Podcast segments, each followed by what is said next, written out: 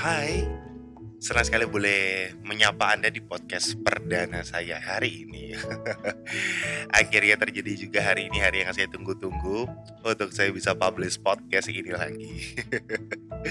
Loh, kok lagi sih? Karena sebenarnya sebelumnya udah pernah bikin podcast, tapi akhirnya saya hapus karena saya ngerasa bahwa ini kurang bagus podcastnya. Atau saya pernah buat juga hanya saya publish beberapa di teman-teman saya dan saya nggak publish di umum karena saya rasa kayak masih belum terlalu bagus untuk bisa didengarkan di halayak umum rasanya.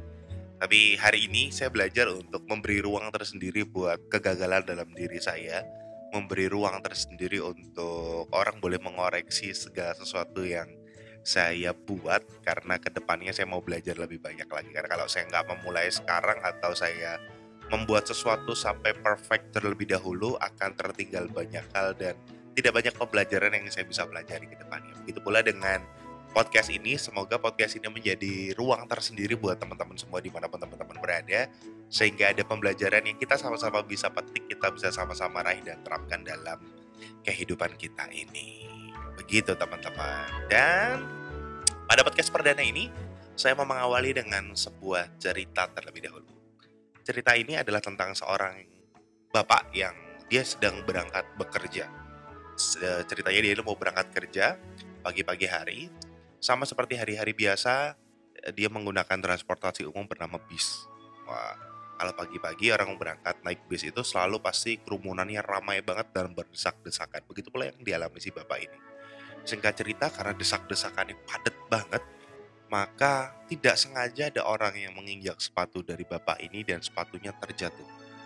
Dan kita tahu bis saat ini sudah berbeda dengan bis yang lalu. Kalau bis saat ini ada jam-jam tertentu di mana dia boleh berhenti sejenak dan dia harus melanjutkan perjalanannya, lalu pintu akan tertutup sendiri. Begitu pula yang terjadi dengan si bapak ini.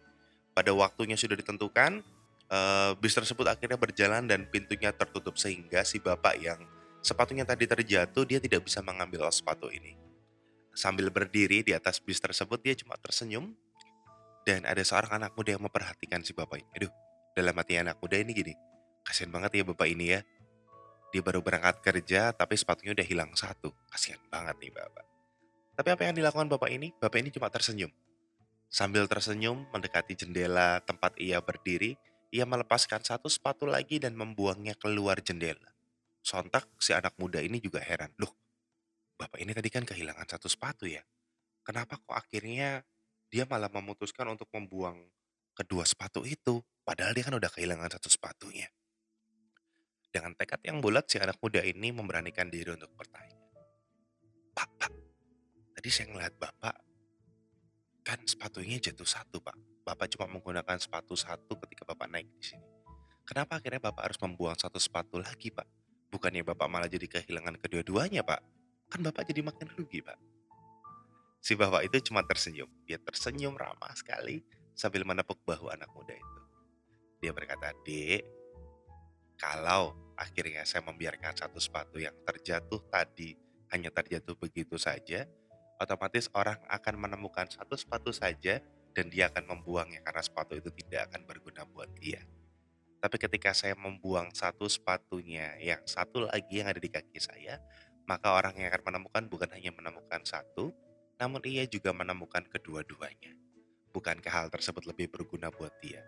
Bagi saya pun satu sepatunya juga tidak ada artinya, karena ketika saya harus mengganti sepatu itu kepada sepatu yang baru, otomatis saya harus membeli satu pasang sepatu yang kanan dan yang kiri. Tidak mungkin saya hanya membeli satu saja.